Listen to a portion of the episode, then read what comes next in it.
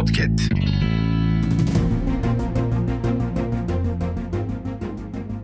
Hello, welcome to the weekly news in Turkey. We will inform you about the important developments that took place this week. The parties promised by Kılıçdaroğlu, the presidential candidate of Millet İttifakı, announced their support for the vote. The six-party Emek ve Özgürlük İttifakı, including the HDP, demanded votes for Kemal Kılıçdaroğlu in the presidential election.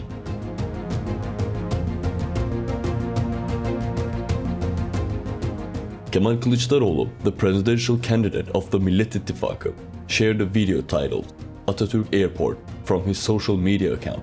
Kemal Kılıçdaroğlu announced that they will turn Atatürk Airport into an aviation and space base.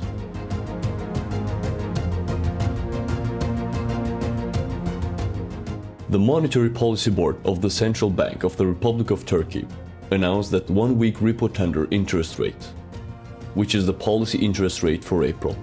The central bank left its policy interest rate steady at 8.5%.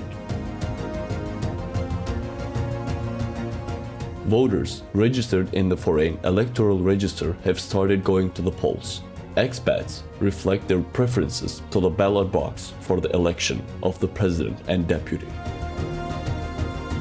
President Recep Tayyip Erdogan, who suffered a short term discomfort during a live broadcast, announced that he was taking a one day rest on the recommendation of his doctors. Erdogan will continue his election shift if his health condition gives away. Answering the question about the distant stance of citizens in Anatolia towards the CHP, Ahmet Davutoğlu said that even his aunt would not vote for him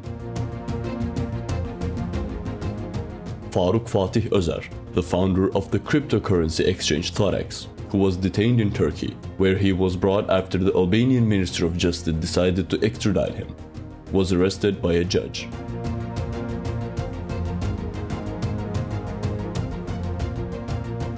This was the agenda of the week in Turkey. See you in the new week.